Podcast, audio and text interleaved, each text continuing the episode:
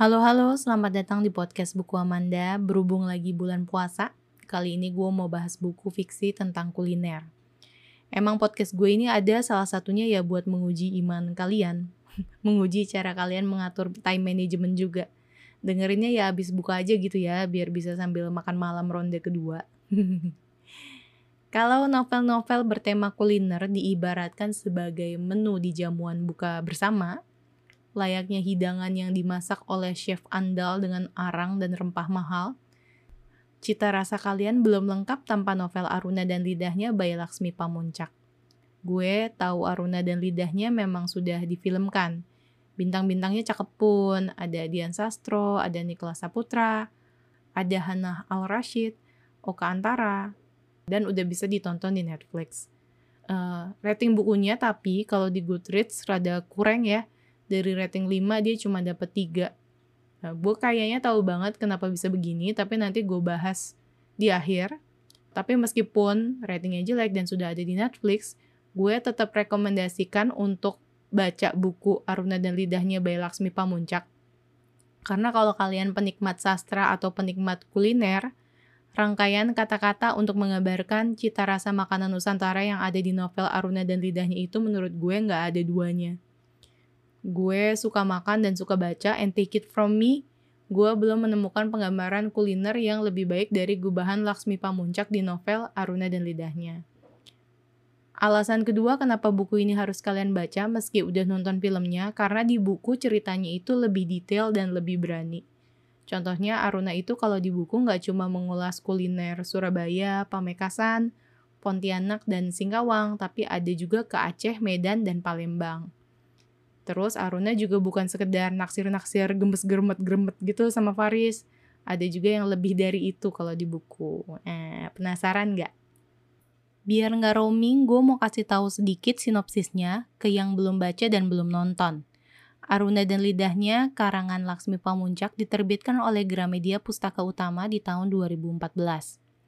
Kisahnya tentang Aruna, seorang perempuan belum menikah berusia 20-an akhir yang bekerja sebagai ahli wabah di sebuah NGO bernama One World. Suatu hari, Aruna mendapatkan tugas untuk ikut menyelidiki kasus wabah flu burung di kota-kota di Indonesia. Aruna, si penikmat kuliner, sudah membayangkan bahwa dia akan bekerja menyelidiki kasus flu burung sambil pelesir mencicipi kuliner terbaik di kota-kota yang akan dia sambangi. Tapi Aruna tidak sendirian. Tahu bahwa dia akan berpesta pora makan enak, sahabat-sahabatnya, Nadia Sedasi penulis dan kritikus kuliner, serta Bono si chef terkenal, ikut serta menemani Aruna dalam perjalanannya. Oh, dan satu lagi, teman kerja Aruna yang diam-diam mencuri hatinya pun ikut meramaikan cerita. Faris namanya. Tanpa babi bu lagi, gue mau bacakan sedikit cuplikan novel Aruna dan lidahnya.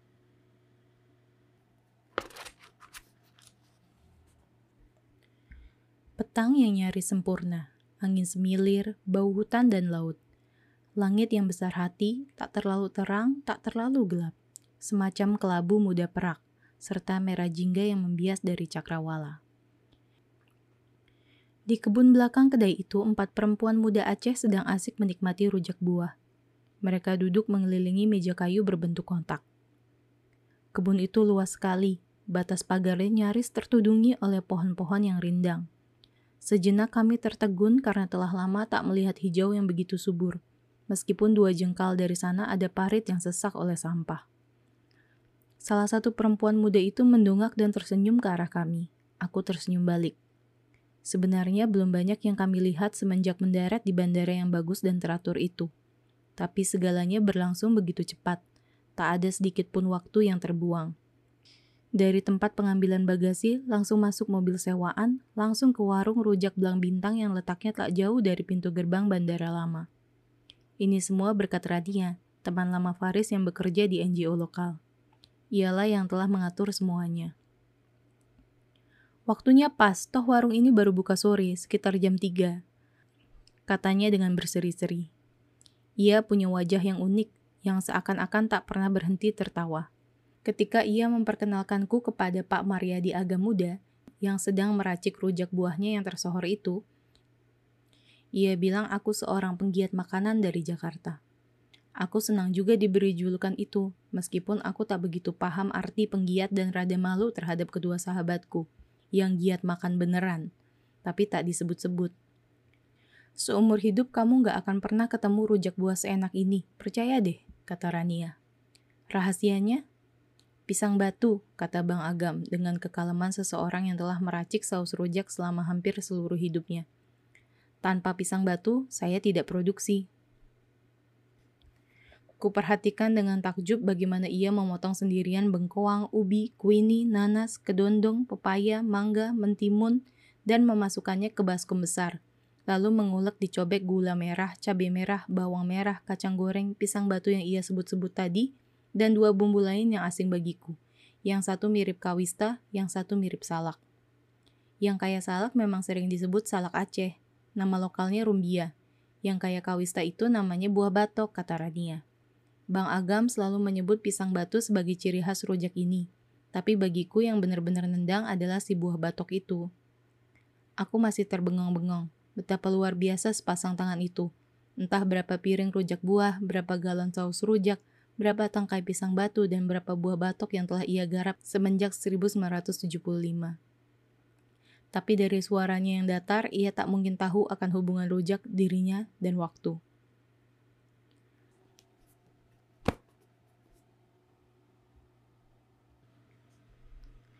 Kalian tahu nggak, gue terbang ke Aceh sekitar 4 bulan yang lalu, Desember 2021. Salah satunya supaya gue bisa nyicip rujak Aceh sama kari bebek itek biren. Dua-duanya disebutkan di dalam novel Aruna dan Lidahnya. Hasilnya setelah dirasain, gue nggak terlalu cocok sama rujak Aceh. Uh, karena ternyata kemanisan banget buat gue. Yang gue makan itu beda sih sama yang ada di buku. Yang gue makan itu di Pulau Weh, dekat monumen titik nol dan itu ternyata pakai biang gula banyak banget sampai tumpah-tumpah gitu. Sepanjang makan gue meringis-ringis kemanisan sama takut diabetes. Saking wanginya itu manis banget warungnya itu bukan didatengin laler tapi lebah. Nggak sampai nyerang sih lebahnya kayaknya lebahnya tuh kayak kekenyangan gitu mager banget. Tapi tetap aja amazed gitu lah. Selain rujak Aceh gue coba cari kari bebek yang tadi gue mention. Uh, tari bebek itak biren tapi nemunya malah gulai bebek merah itak biren gue nggak tahu sama apa enggak tapi ya gue coba aja dan lidah Melayu gue kayaknya lebih cocok sama si gulai bebek itu yang pas makannya gue pakai sayur kembang pepaya nyes banget lah pokoknya perutnya anget hatinya anget lupa lemak gitu ya enak semua anyway yuk lanjut ke kutipan novel Aruna lainnya sebelum gue tidak bisa berhenti ngomongin makanan. Lanjut lanjut. Adakah kenikmatan yang melebihi sepotong dak konfi yang sempurna? Karena pada akhirnya bebek goreng legendaris itu yang saking terkenalnya telah menjadi magnet bagi para pengunjung Madura adalah hal yang hampir mustahil itu, serupa dak konfi yang sempurna. Dengan kata lain, serupa bebek yang telah dilumuri garam, bawang putih, dan daun aromatik lalu disimpan dalam lemari es selama tiga hari, lalu dibilas dan ditiriskan sebelum dimasukkan ke dalam oven suhu rendah, tak lebih dari 135 derajat Celcius selama 4-10 jam. Serupa bebek yang telah dimasak dalam lemaknya sendiri, dikeluarkan dan didinginkan di luar oven sebelum digoreng dan disantap panas-panas. Bebek kaya lemak sekaligus garing yang akan mengangkatmu ke lapisan lain angkasa. Selama setengah jam, suara yang terdengar di sekeliling meja hanya, Aduh, Ampun enaknya, top, gue mau mati, gila. Tak ada waktu menyerap suasana, yang ada hanya takjub, rasa nikmat, dan lidah yang berdecak-decak. Faris dan Indah memesan nasi bebek.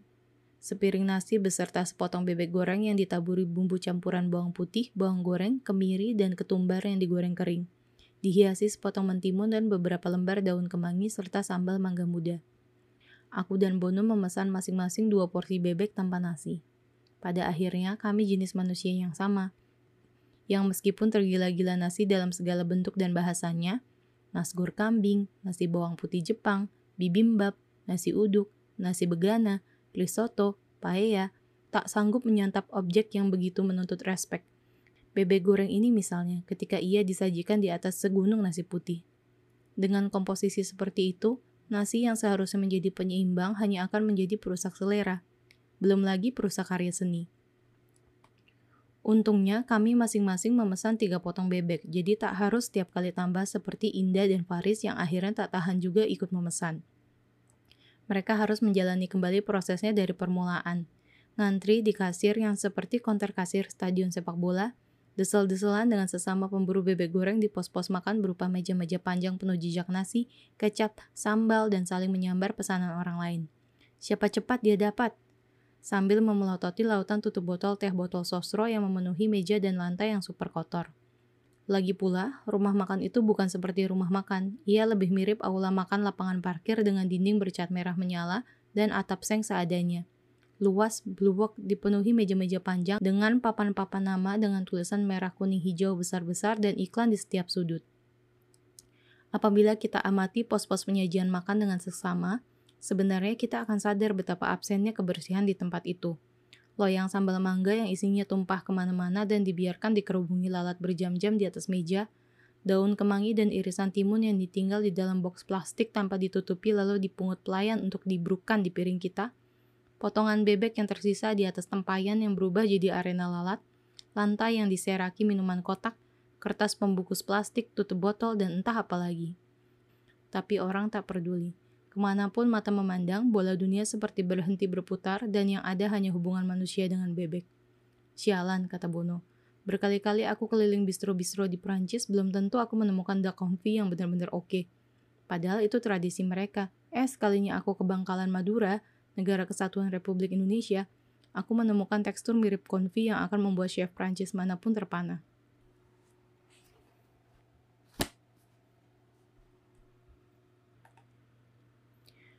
Rujak Aceh dan bebek goreng Bangkalan. Itu hanyalah dua dari banyak kuliner Indonesia yang dipuja dan kadang dihina di novel Aruna dan Lidahnya karangan Laksmi Pamuncak. Mari kita bahas hal yang menurut gue mengurangi rating dari novel yang luar biasa ini. Kurangnya fatal sih. Sampai hari ini gue menyayangkan banget ketidaknyambungan topik flu burung dengan kuliner di novel Aruna dan Lidahnya kalau Aruna orangnya agak-agak mikirnya random, uh, gue masih bisa mencoba memahami. Kalau sampai akhir gue masih belum mengerti apa yang sebenarnya terjadi antara Aruna dan kedua orang tuanya, gue masih coba memahami. Tapi ketidaknyambungan topik antara flu burung dan makanan itu, dan kuliner itu, benar-benar sangat disayangkan gue tadinya mikir apakah ini nanti ada titik penularan wabahnya tuh dari salah satu restoran yang dikunjungi Aruna. Toh ada juga yang jual-jual menu berbahan unggas kan kayak si bebek goreng Madura itu. Tapi ini enggak juga. Jadilah sepanjang membaca, si topik flu burung ini semacam pas kelewat besar di meja makan. Ganggu banget. Meski begitu, gue masih sangat mengagumi novel Aruna dan Lidahnya, gue berharap ada lanjutannya. Boleh deh kalau mau lewat kacamata Bono ya. Tapi tolong jangan bawa-bawa flu burung atau wabah apa pun lagi. Keracunan makanan aja deh masih nyambung. Enak tapi beracun misalnya. Sebagai penutup, gue mau bacain sedikit bagian dari mimpi Aruna yang anehnya dia lagi memimpikan Bono. Tapi cukup menggambarkan seberapa random Aruna dan bagaimana novel Aruna dan Lidahnya ini menggunakan banyak kiasan. Suatu hari aku mimpi melihat kehidupan Bono. Ia seperti tokoh di dalam film, seorang yang berada di luar dirinya, seorang yang tidak real juga bagi aktor yang memerankannya. Dalam adegan pembuka, ia sedang berdiri di tepi pantai. Kubayangkan ia merasakan asin angin pada wajahnya. Tiba-tiba ia berpaling dan berjalan ke arah suara yang memanggilnya dari jalan raya. Ada sesuatu yang berubah pada sorot matanya. Ia mengingatkanku pada anak rusa yang takut. Ia masuk ke restoran, salah satu dari sekian banyak di pinggir jalan raya. Aku tak melihat si pemilik suara. Beberapa menit kemudian, aku pun masuk ke restoran dan melihatnya duduk di meja dengan seorang perempuan separuh baya dan seorang laki-laki berwajah garang.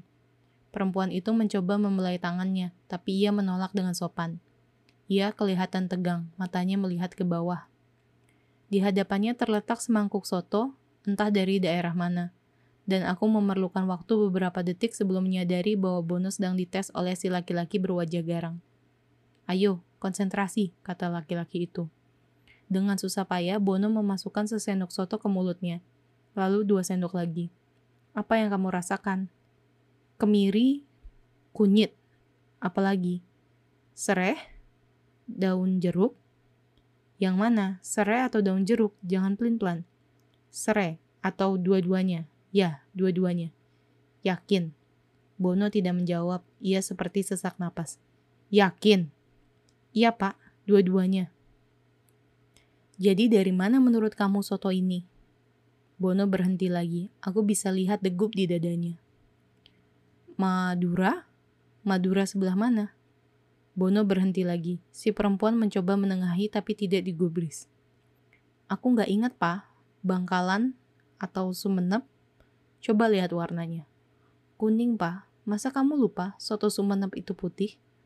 Kalau begitu ini soto Bangkalan, Pak. Kuahnya kuning dan tidak pakai jeroan. Juga tidak pakai perkedel kentang. Sejenak laki-laki itu menatap anaknya dengan buas, seolah ia ingin menghajarnya karena ia tak cukup pintar karena lidahnya tak terlalu canggih dan oleh sebab itu dia tak layak jadi anaknya. Lalu ia menarik mangkuk soto ke arahnya dengan jengkel. Bono dan ibunya diam saja ketika ia menyantap hidangan berkuah itu sampai ludas. Lalu seolah gestur itu tidak cukup brutal, laki-laki itu meminta pelayan membawa sejumlah pepes dan botok ke meja. Ia membuka satu, lalu disodorkannya ke arah Bono. Coba makan. Bono menurut. Botok apa itu menurut kamu? Sayur, Pak. Laki-laki itu menggebrak meja. Jangan pernah bilang sayur, daging, atau ikan, atau sesuatu yang begitu umum, desisnya. Itu menunjukkan kamu sama saja seperti orang banyak, gak pakai otak, malas berpikir. Bono mencoba satu, dua sendok lagi, lalu berbisik. Pakis? Selintas ada yang berubah pada raut sang bapak. Di kedalaman matanya ada semacam antisipasi yang hati-hati. Mungkin juga harapan, mungkin kegembiraan dan aku tahu Bono melihat perubahan itu, dan untuk beberapa detik ia membiarkan dirinya terbuai oleh sesuatu yang tak pernah ia harapkan. Kamu suka? Suka. Kenapa? Coba jelaskan. Dan entah kenapa Bono seakan menahan sesuatu yang sudah berhimpun di lehernya. Karena rasanya enak, begitu jawabnya akhirnya. Satu, dua detik berlalu dan dengan pandangan jijik, laki-laki itu berdiri. Pergi ke konter untuk membayar dan meninggalkan restoran itu. Ketika Bono keluar dari restoran dengan sebatang rokok di tangannya, aku segera menghampirinya. Aku tak lihat ibunya di mana-mana. Hai, begitukah rasa takut bisa membuat orang kehilangan lidah? Ia kelihatan rileks. Enggak juga, katanya santai. Ia tak lagi bicara gagap. Ia bukan lagi Bono di dalam restoran. Aku tahu persis rasa botok pakis itu, kata Bono lagi. Ketika aku mencicipinya, aku membedah dalam otakku setiap sensasi, legit, pedas, asin, manis, rasa rempah, rasa serat. Aku beri mereka adjektif, aku beri mereka warna, aku jalankan setiap sensasi itu ke dalam alunan sebuah musik verbal sampai tak ada lagi yang tersisa dari makanan itu selain kata-kata tukang sulap yang menyihir kita semua. Percayalah, dalam hal itu aku persis dia, persis bapakku. Kenapa tak kamu tunjukkan kesamaan itu tadi? Kupikir pengakuan dari dia penting bagimu. Aku tidak mau ia mengira aku seperti dia, karena itu berarti dia orang yang pantas dibanggakan. Dan itu berarti aku kalah, itu berarti ibu kalah, bagiku bapakku sudah mati. Ia mengisap rokoknya dalam-dalam. Lagi pula, katanya dengan enteng, mencicip adalah an act of pleasure, dan menulis tentang kenikmatan itu adalah sebuah gestur artistik. Tapi satu-satunya seni yang benar-benar sejati pada akhirnya adalah membuat lahap orang lain menyantap. Karena itulah aku menjadi chef.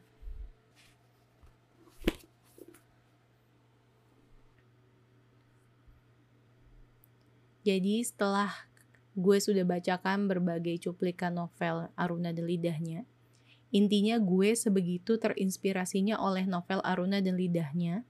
Seperti yang udah gue mention tadi, gue udah sempat ke Aceh, tapi masih ngutang wisata kuliner di Palembang, Pamekasan, Bangkalan, Surabaya, Singkawang, Pontianak, Medan. Kayaknya baru segitu aja sih. Banyak, banyak. I will catch them all lah, kayak Pokemon. By the way, kalau mau baca, gue sempat nulis catatan perjalanan kuliner gue ke Aceh, judulnya Banda Aceh di atas daun pisang. Tentu saja nulisnya gue coba gaya Laksmi Pamuncak Idola Q. Monggo di googling. Akhir kata, terima kasih sudah ikut berpetualang kuliner via podcast gue ini. Semoga puasanya lancar bagi yang menjalankan. Selamat makan dan selamat membaca.